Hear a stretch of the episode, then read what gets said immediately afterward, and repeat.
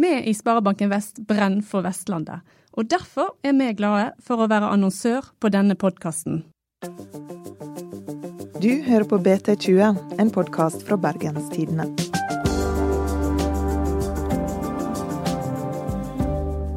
Et av de største dopingnettverkene i norgeshistorien er under opprulling.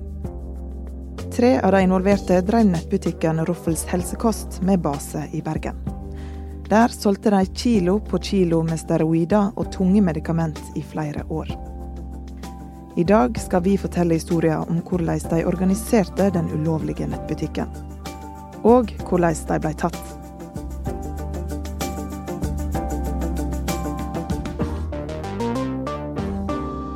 Mitt navn er Ingvild Nave.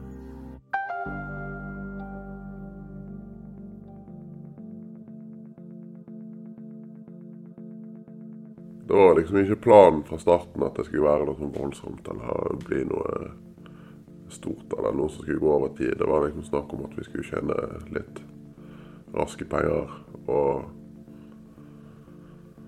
gi oss og på en måte være ferdig med det. Men så av ulike grunner så har jo det liksom ballet litt på seg i løpet av eh, den tiden vi holdt på. Dette er en av de som er tiltalt i den enorme dopingsaka. Av omsyn til familien ønsker han å være anonym, derfor har vi forandra stemma hans. Han var egentlig en ganske vanlig fyr, men det var før han og to kamerater starta Ruffels helsekost. Nettbutikken solgte kilovis med doping til kunder over hele landet gjennom nettsida Hushboard. Det endte ikke helt opp sånn som det var planlagt. i hvert fall.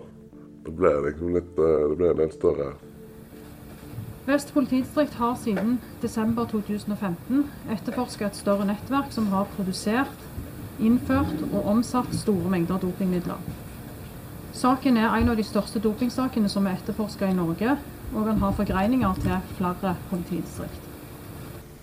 Som en følge av etterforskningen har politiet opprettet straffesak mot i overkant av 100 personer. Av disse har 36 vært pågrepet og sikta for å ha hatt en rolle i nettverket. Bare for å illustrere, i, i, denne saken som angår Raffels helsekost, så har statsadvokaten sagt at den mengde som de har vært i befatning med, enten ved hjelp av at de har innført det eller solgt det, det tilsvarer 450 års sammenhengende bruk. For én person? For én person. Eller 450 personer kunne ha brukt dette her kontinuerlig i ett år. Det sier jo litt om mengden. Politiet har døypt etterforskinga Operasjon Hush. Siden starten i 2015 har BT-journalist Christian Nikolaisen fulgt saka. Eh, disse opererte på et forum på nettet som er åpent for alle, for så vidt. Men du må ha en bruker for å kunne logge deg inn, eller for å kunne se hva som postes der. Og da har de egne mm, tråder inne på dette forumet der de legger ut eh, annonser, rett og slett. Hva de kan tilby og hvor mye det koster. Og For å kunne bestille noe av dette, her, så må du sende en uh, kryptert e-post til en e-postadresse som de En butikkadresse, egentlig. Den het for øvrig Julediplom. Så må du oppgi uh, fullt navn og adresse, i første mail, hva du vil ha for noe. Så får du svart svar tilbake med betalingsinformasjon. Når betalingen er mottatt. Så blir varene sendt til adressen du har oppgitt. Eh, og da på slutten så var det på en måte Pengene ble mottatt av en målmann, og varene ble sendt av en målmann. En som tar imot, eh, eller på en måte jobber for oss, da i hermetegn. Tar imot penger, eller sender penger, eller sender varer. Eller. Det er jo for å minimere risiko her. For hvis de sendte det direkte til dem, så hvis, da, hvis denne forsendelsen blir stoppa, så er jo de Da blir de tatt. Ja. Så når du har en målmann, så er det en person de kanskje kjenner litt, eller en, det er egentlig et, det samme hvem det er. Så får de penger for å ta imot disse betalingskonvoluttene. Rett og slett for å lage flere ledd mellom seg sjøl og varene de selger. Nettopp. Ja. Mm. Hvorfor er den saken her så stor? Det, det har vel litt med mengden som er beslaglagt, eh, og at de har eh, avdekka eh, ganske omfattende salg av dopingmidler i Norge. Hvem var det som drev denne butikken? Det var tre kamerater fra Bergen i 20-årene. De kjente hverandre fra før. De hadde ulike roller i denne butikken. Som blant annet, det var en som tok seg av alt av bestillinger. Eh, Det var en som hadde ansvaret for varelager. Og det var eh, en siste som var en slags altmuligmann. Og så vidt sånn som det kom frem i retten, så var det slik at han som hadde ansvaret for varelageret, det var han som visste hvor dopingmidlene kom fra. Det gjorde ikke f.eks. han som hadde ansvaret for bestillinga. Men det høres ut som de har drevet denne ulovlige sjappa si nesten som ei vanlig bedrift. De hadde jo varetelling, annet, kom det jo frem i, eh, i retten. De hadde førte regnskap over eh, det de hadde solgt. Så på mange måter så var det jo ganske sånn ordinær postordre. Hva slags vare er det egentlig de har solgt? De har solgt det du trenger for å gjennomføre en såkalt kur. En eh, kur varer i alt fra fire helt opp til tolv uker. I denne kuren så inngår jo anabole steroider i ulike varianter. I tillegg så har de, har de solgt eh, legemidler som skal motvirke disse bivirkningene som gjerne oppstår eh, i etterkant av en sånn kur, eller under, underveis. Eh, disse bivirkningene er gjerne noe som oppstår spesielt dersom du ikke holder til den eh, anbefalte mengde. Hva slags medikament er det de har solgt da? De har solgt eh, altså Både denne butikken og andre butikker har solgt ting som eh, medisin som gjør at eh, du Brystene eh, blir mindre, for å si det sånn. For det er en av bivirkningene? Det kan være en bivirkning, ja. Eh, noen sliter med å sove.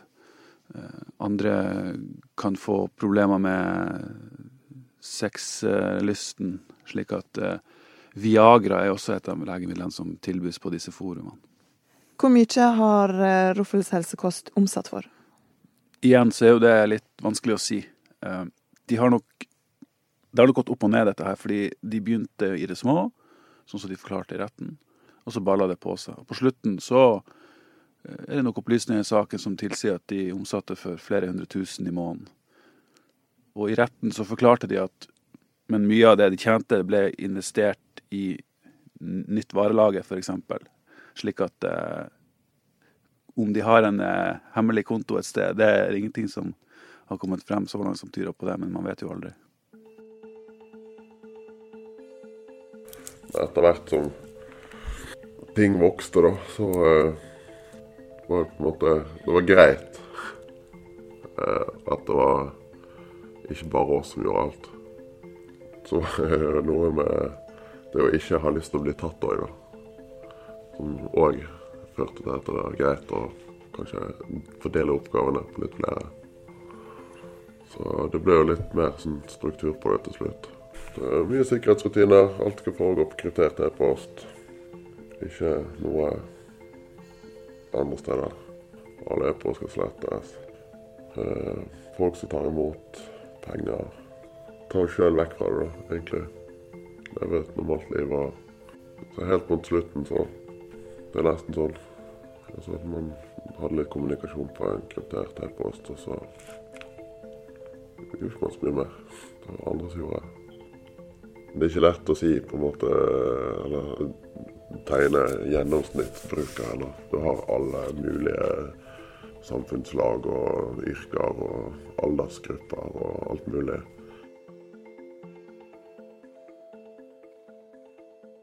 Hva vet vi om kundene? Hvem er det som har kjøpt disse varene? Politiet har jo identifisert litt over 500 kunder, eh, og de kommer fra alle landets fylker, nærmest. Eh, Det er alt fra eh, Kundelisten skiller seg ikke ut noe særlig. Det er vanlige folk med vanlig jobb som, har, som er i et treningsmiljø, gjerne. De har også identifisert kunder som jobber i politi, som jobber i helsevesen, som jobber i Forsvaret og som jobber i oljebransjen. Så det er ingen sånn Det går ikke an å si noe spesifikt om eh, de som er kunder nødvendigvis. Det er alt fra eh, politifolk til eh, arbeidsledige til eh, folk som er i vanlig jobb. Eh, Hvis du var kunde i denne butikken her, eh, kunne du oppleve at det var salg, eller at du fikk noen fordeler for å være lojal kunde, eller sånne ting? Det er mye som tyder på det, ja. Det kom jo frem i retten at eh, hvis du f.eks. betalte med bitcoin, så fikk du 30% rabatt. Hvis du var en eh, lojal kunde som eh, kom tilbake og kom tilbake, og kom tilbake, så fikk du 30% rabatt. Hvis du kjøpte veldig mye, så kunne du få 40% rabatt. Og så sa de jo i tillegg at det var enkelte ganger de faktisk ga så mye som 50% rabatt. Men det har jo åpenbart likevel vært lønnsomt. Snart skal vi høre hvordan politiet jobber for å ta kameratene bak Ruffels helsekost. Men først ei kortmelding fra annonsøren vår.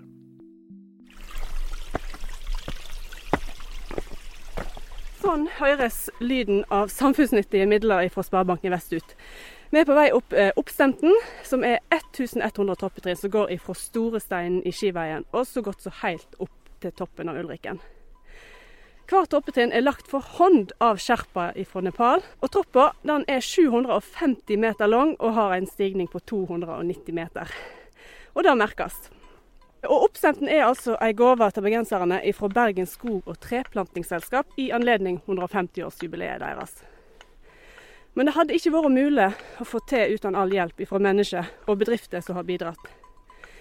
Så Sparebank Vest har et hjerte som banker for Vestlandet. Og det er vel ingen tvil om at nettopp oppstemten får hjertet til å banke. Og Derfor måtte selvsagt Sparebanken Vest være med på å bidra til dette. Og Troppa den er allerede godt i bruk, med over 50 000 troppegårder bare i juli. Så nå er det bare å knyte fast skoene og ta turen opp oppstemten. Da var turen med annonsøren vår ferdig. Nå går vi videre i podden. I desember 2015 så kommer eh, Arbeidstilsynet tilfeldigvis over et eh, lager som inneholder uh, produksjonsutstyr do, til dopingmidler. Det kan være sånne pillepresser og sånne forskjellige ting som indikerer at her er det noen som driver med produksjon av dopingmidler.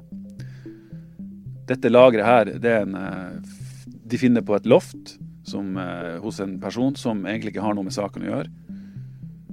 Og så to uker etter det så finner politiet i, på Østlandet, i Hokksund, et enda større lager der det innhold, som inneholder masse dopemidler til en antatt verdi på opp mot 30 millioner kroner. Hvordan skjønner du at de to funnene der henger sammen? Jo, det er jo slik at norsk politi snakker sammen. Uh, og da kommer politiet på Østlandet og politiet i Bergen i kontakt med hverandre, fordi politiet i Bergen har gjort et, et beslag, de også, som, som ligna litt, selv om det var ikke så mye dopingmidler. Mm. Og så eh, begynner de jo å ta, få folk inn i avhør. Eh, folk som kommer inn i avhør, begynner å fortelle litt. Og så eh, skjønner de jo at det skjer jo omsetning av doping på dette forumet. Ja, da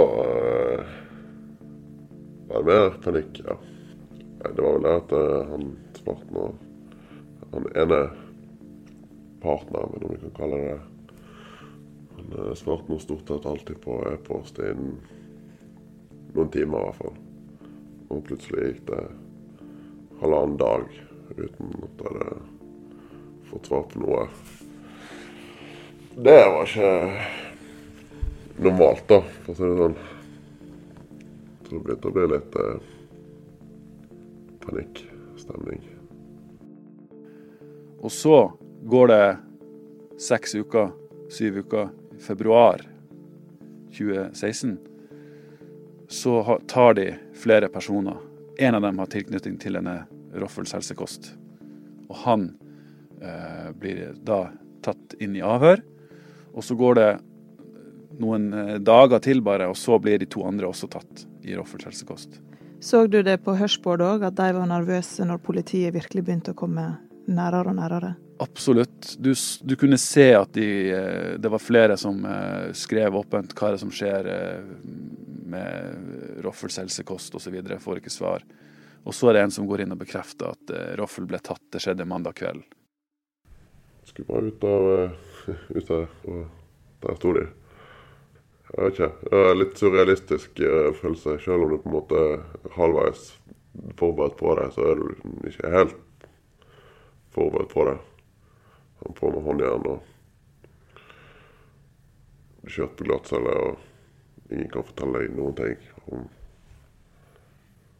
hvor lenge du blir her, eller eh, Så hvis ikke du har vært på glattcelle før, så er det liksom ikke ikke noe kjempegøy. Det var noen rare døgn. Du sa at du, du levde et vanlig liv ved siden av. Altså, du, var i jobb og du hadde Ja, full jobb og skole. og ja. Var det noen av dine nærmeste som visste at du holdt på med dette her? Nei, det var vel ikke det. Hva sa de når, de, når du ble tatt? Det ble en stor overraskelse, da. Det, det var jo ikke så populært. Det, det, ja. Nei, de ble veldig, veldig overrasket. Jeg tror ikke noen hadde helt sett det for seg. Ruffels helsekost er en av flere dopingbutikker på Hushboard som er tatt. De er operert hver for seg, men politiet omtaler det som et nettverk fordi de mener flere har samarbeida. Gjorde de noen tabber underveis her som gjorde at de ble tatt? Jeg tror kanskje ikke de gjorde noen tabber underveis før de ble tatt, men de har jo da åpenbart, som det kom frem i retten, ikke alltid vært så påpasselig med å følge sine egne retningslinjer når det gjelder sletting av mail, f.eks. Sånn at når politiet da fikk tilgang til enkelte av disse personenes e-post, så fikk de jo opp et lite arkiv, eller et lite, en liten utboks, der det sto Der de kunne sjekke, gå gjennom kommunikasjonen de hadde hatt tidligere. Hva sier de som er sikta i saken om at de ble tatt, og at de nå sitter i retten? Nei, de er jo Alle tre har jo erkjent straffskyld. Det gjorde de første dagen i, i, i retten. Slik at eh, det som egentlig skulle være en fire uker lang rettssak, ble bare en uke. Det som har vært det store stridsspørsmålet i, i retten, har jo vært hvor mye penger disse tre eh, har tjent. Og dermed hvor mye penger er det naturlig av, av en statsadvokat å kreve inndratt fra disse tre. Hvor står saken nå? Jo, nå har jo tre personer vært eh, i retten i forrige uke. De får sin dom uh, om et par uker. Så er det syv til som skal i retten over jul. Den rettssaken er jo av et mye større omfang og kommer til å pågå i nesten frem til sommeren. Er det her bare toppen av dopingisfjellet, eller er det mer? Sannsynligvis så Jeg tror ikke du vil bli arrestert dersom du sier at uh, dette er toppen av et isfjell. Det er jo bare å ta en titt inn på Hushboard i dag, f.eks. Det, er jo, det er jo business as usual. Det, er jo, det omsettes dopingmidler der uh, fremdeles, tilsynelatende.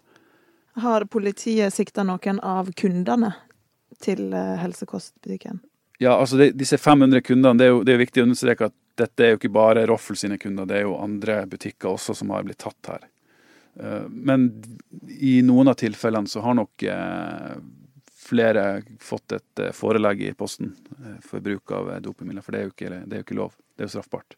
Er det bare doping som blir omsatt på nettet sånn som det her, eller gjelder det f.eks. narkotika òg?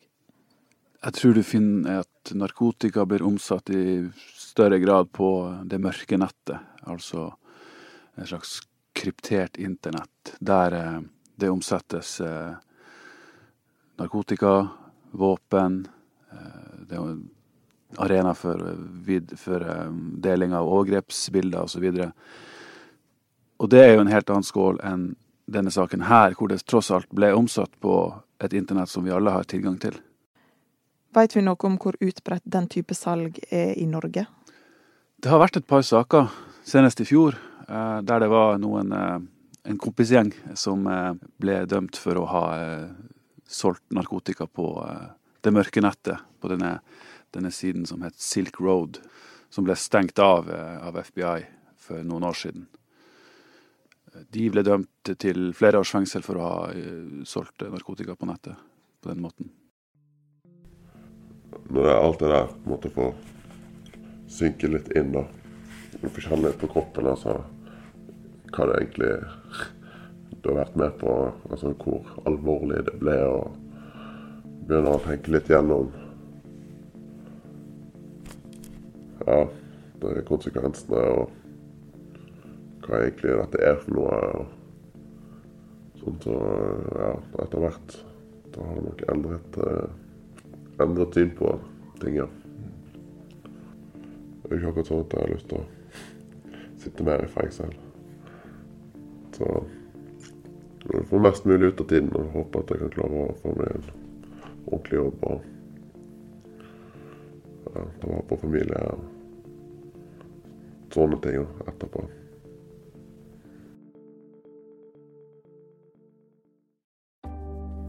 Dette var ukas episode av BT20. Vi er tilbake neste torsdag. Sjekk òg ut vår fotballpodkast Ballspark og næringslivspodden vår Det vi lever av. Produsent er Henrik Svanevik. Og mitt navn er Ingvild Nave.